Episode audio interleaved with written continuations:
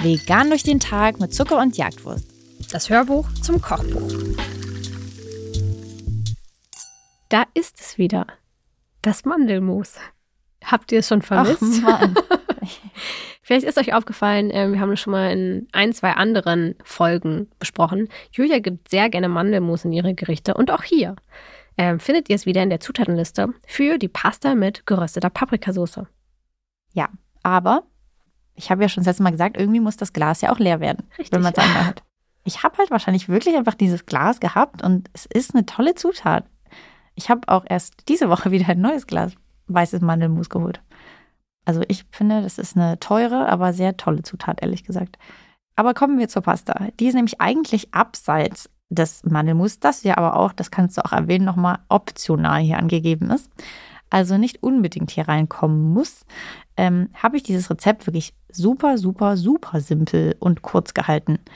Ich glaube nämlich, wir wollten per se, haben wir einfach gesagt, wir würden gern mal eine 20-Minuten-Pasta auf jeden Fall drin haben. Wirklich so die schnellste Variante für man ist abends platt vom Tag und will trotzdem noch was äh, Frisches kochen.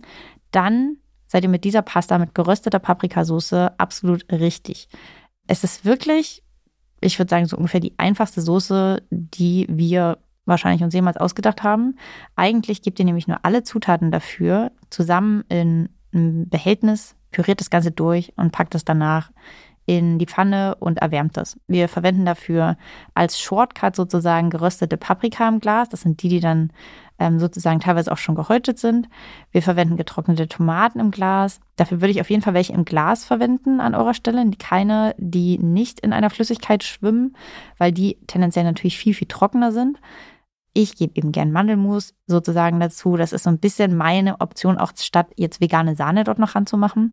Und ansonsten einfach nur ein bisschen Olivenöl, ein bisschen Knoblauch, der auch einfach roh da reinkommt. Das wird alles gewürzt. Und naja, wenn das dann erwärmt ist, gebt ihr einfach gekochte Nudeln eurer Wahl dazu, schwenkt das einmal durch, gebt noch ein bisschen vegane Butter dazu. Und das wäre es auch schon. Als kleinen Feinschliff würde ich noch die Zeit nutzen, während die Nudeln kochen und habe ein bisschen Salbeiblätter angebraten da so wirkt das direkt auch irgendwie nicht mehr ganz so dahin gemixt, sondern wirkt auf einmal auch wieder ein bisschen wie ein Restaurantessen. Das sind die kleinen Sachen. Manchmal sind es die Toppings, die finde ich, die bei einer Pasta die Richtung ändern können. Wenn ich jetzt einfach ganz viel veganen Streukäse draufgegeben hätte, sehe das irgendwie anders aus, das Enden. Oder? Ja, obwohl dieses Gericht auch besonders aussieht durch die Pastasorte. Du hast nämlich Maffaldine genommen. Ähm, ich glaube, hättest du ja Spaghetti genommen, sähe es aus wie Spaghetti mit Tomatensauce.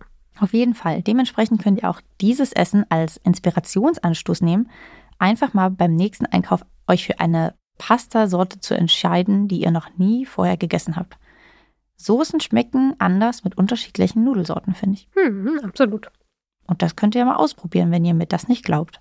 Ähm, Mafaldine gibt es leider auch gar nicht so oft, aber ihr könnt, wie gesagt, jede andere Sorte ähm, verwenden. Ihr könntet kurze Nudeln dafür verwenden, lange Nudeln dafür verwenden, wie ihr das mögt. Aber ja, also ich empfehle euch mal einfach eine neue Nudelsorte dafür zu verwenden. Also viel Spaß, würde ich sagen, im Pastaregal.